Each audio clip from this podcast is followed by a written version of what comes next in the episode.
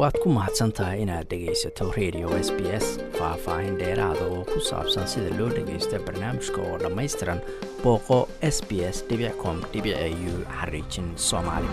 Soomaaliya sidaa wada ogtihiin waxaa ka socdaa doorashada xildhibaanada aqalka hoose oo dad badan ay dhaliilsan yihiin nidaamka markaasi ay u socdaan. Waxaa nagala qayb qaatay barnaamijkan oo aragtidooda nala wadaagaya ciise dhoolowaa oo isaguna reer melbana anoo ku bilaabay bal sida uu arko doorashada ka socota soomaaliya waxaana u yidhi.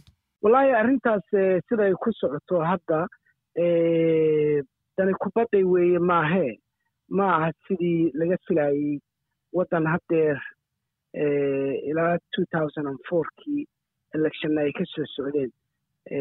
Ma aha sidii laga filayey sidii iyo si u dhowna ma aha waxaan islahaa progress ama horumar baa laga gaaraya lagamana gaarin muxuu ahaa mana ayan suurtagelin haba yaraatee wixii dowladihii soo maray laga filayay inay sameeyaan oo ah in la gaaro one man one vote.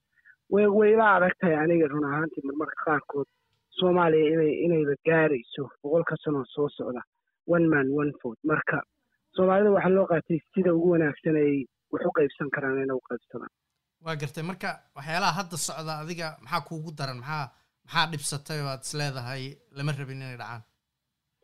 Wallaahi waxaa la rabay haddee inay dhacdo one man one vote oo haddee dadku wixii la doonayay bay ahayd dowladdii ma awoodo sababtoo ah waddankii oo dhan waa kala googo-an yahay al-shabaab darteed.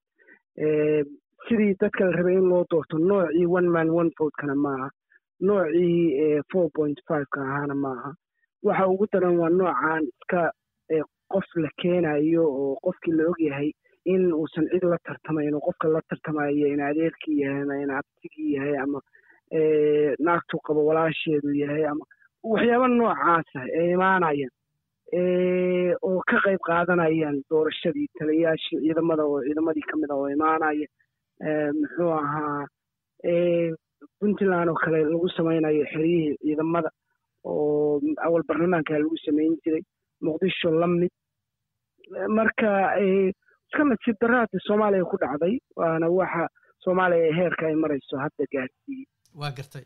Marka waxaas dhacayo oo dhan oo aad aragtid yaa mas'uuliyaddeeda leh yaa ka mas'uulaad isleeda wallahi collectively macnaha guud ahaan ummadda soomaaliyeed baa ka ah oo xaqiiqdii ummadda soomaaliyeed baa meesha ay marayso isgaarsiisay cid kale uma ayan geyn iyo damaaciga. Dadka soomaalida ah damaaciga ama ha ahaado nin barlamaan ku jira ama nin madaxweyne raba ama mid isagu haysta. Laakiin waa wax laga wareegsiman yahay oo dhaqameedka iyo siyaasiyiinta iyo waxgaradkii waxba u malaynaya soomaaliya waxgaradku inay ka maqan yihiin oo dibadda waddanka kaga nool yihiin. Marka cid haddeer la odhan karo sababtaa isma dhaamaan. Kismaayo waxa ka dhacaya baydhabay ka dhacayaan baydhabo waxa ka dhacaya muqdishoay ka dhacayaan iyo iyo iyo iyo iyo iyo iyo galmudug iyo iyo puntland garowe. Exactly the same thing baa ka dhacaya sida dadka loola soo baxayo waa isku mid sida dadka loo dooranayo waa isku mid systemka ay marayaan waa isku mid. Muqdisho markii hadhow la isugu tagaana wax saasoo kale ah baa soo baxay aan aan macno lahayn. Waa gartay halkaasayba su'aashaydu u socotay xildhibaano. Nidaamkaas hadda aad sheegtay lagu soo doortay sidee u saamayn karaan doorashada madaxweynaha iyo wixii ka soo baxa? Horta soomaalidu waxay ku mahmaadaa ninan hal booliyo ninan xalaala ma dhasho. U malayn maayo wax wanaagsan inay ka soo baxayaan waana arki doontaa haddaynu nool nahay. Iyadoo laysku jaqjaq leeyahay oo laysku haysto xamar oo la leeyahay ama ciddii soo baxday raalli kama kama nihin ama siday ku soo baxeen waa si tuugaa ama barlamaankiiba markii la yimaado. Dee barlamaankii cid dadkan cid baa keensatay ninkii soo baxa haddii ragiisu bato oo uu ku helo intaa uu ku soo baxay buu ku haysanayaa meesha oo ku doominate garanaya wuxuu doona ku samaynaya muxuu ahaa dhibaatooyinku rabo ku samaynaya mukhaalafadu rabo ku samaynaya sharciguusan u baahnayn inuu muxuu ahaa dhowro barlamaanka inta u joogtay muxuu ahaa wasiirada wasiir hadday jiraan iyo dadka la keenayo iyaguna sidaasoo kale qof aniga daacadiia waddanka daacadaanu ahayn waxaan anigu doonayo aaminsan shalay baan waxaan arkaya nin wuxuu ka hadlayaa fahad yaasiin oo yidhi shaqan ku siinaya marka su'aaluhii weydiiyey waxaa ka mid ahaa buu yidhi aniga aniga maxaa iga taqaan? See aragtaa. Dadka la keenaya waa saas oo kale. Maxaa aniga iga taqaan? Waxaan ogahay ma rabtaa. Saan wuxu raba ma taqaan.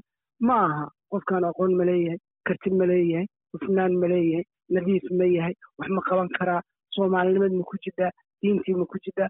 Waxaasoo dhan dibaddaa loo tuuray aniga iyo hebel waa wada soconnaa annagaana baashitan qabsanayna hadhow maxaa barlamaan ka soo baxaya marka? Waxba ka soo bixi maayaan waxay ku soo baxeen baa loogahay hadhow wixii soo baxana waa lagu jaqjaqoran doonaa. Waa arki doontaa haddaynu noolnahay. Shacabka soomaaliyeed marka oo waxaan u jeeda oo dabcan waxa ay qaban karaan ay yartahay maxaa la gudboon baad is leedahay? Maadaama nidaamkoodii doorashadii iyo nidaamkoodii dowladnimada sida hadda ay ku socoto uu noqday maxaa la gudboon shacabka in adeer waxaan u malaynayaa xasanow soomaali haddeer wax la gudboonaba ma jiraan. Soomaali waa dad muxuu ahaa cisbitaal ku jira oo jiran dhakhaatiirtii iyo iyo nersiskii iyo cisbitaalkii baa isku haysta.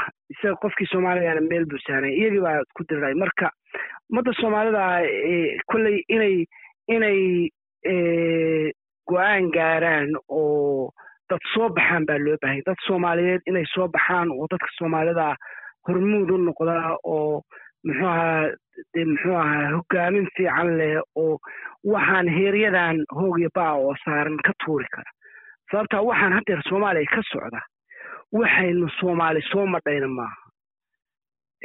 Waa maqli doontaa iyadoo la leeyahay wood khasaaro weye wood khasaaro awal baa la oran jiray waagii hore waxa haddeer ka socda soomaaliya iyo dadkan soomaalida oo hostageka loo haysto oo waxba haysan oo dhaqaala haysan oo waxbarashada haysan oo caafimaadka haysan ninkii adigu boqol dollar dibadda looga soo diro unbaa ka nool.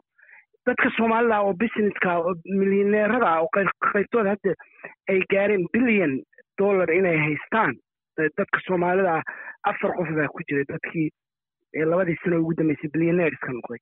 Waxay lacagtaa ka heleen waxa weeye dadka soomaalida lacagta ay soomaaliya u soo diraan sababtaa dadku kama shaqeeyaan. Bariiskaa la cunaayo iyo dharkaa la gadaayo korintadaa bixinaya innaga halkaan joogno dadkeenu wuxu diro lacagtoodii wey marka dadka soomaalida waxaa laga rabaa inay in in inay hadlaan inay wax qabtaan in la wargeliyo in soomaalinimo la bilaabo in wuxuun la bilaabo waxaan haddeer socda. Wax socon kara oo soomaalidani ugu jidha maaha. Waa laysku nacay way ka sii daraysaa. Waxaa haddeer ka socdana saldhig waxa u ah. Aad baa la isaga soo horjeedaa dowlado kalea ku jira gacmo kalea ku jira oo shisheeye dana kalea ku jira. Mid walba midka kale waxuma ogola. Soomaalida halkaas marka arrimaheedii faraha kaga baxeen.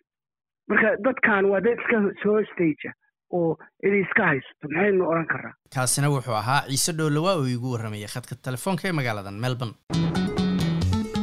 Waad ku mahadsan tahay inaad dhegaysato raadiyaha s b s toos u dhegaysa barnaamijka habeenada arbacada iyo jimcada tobanka fiidnimo.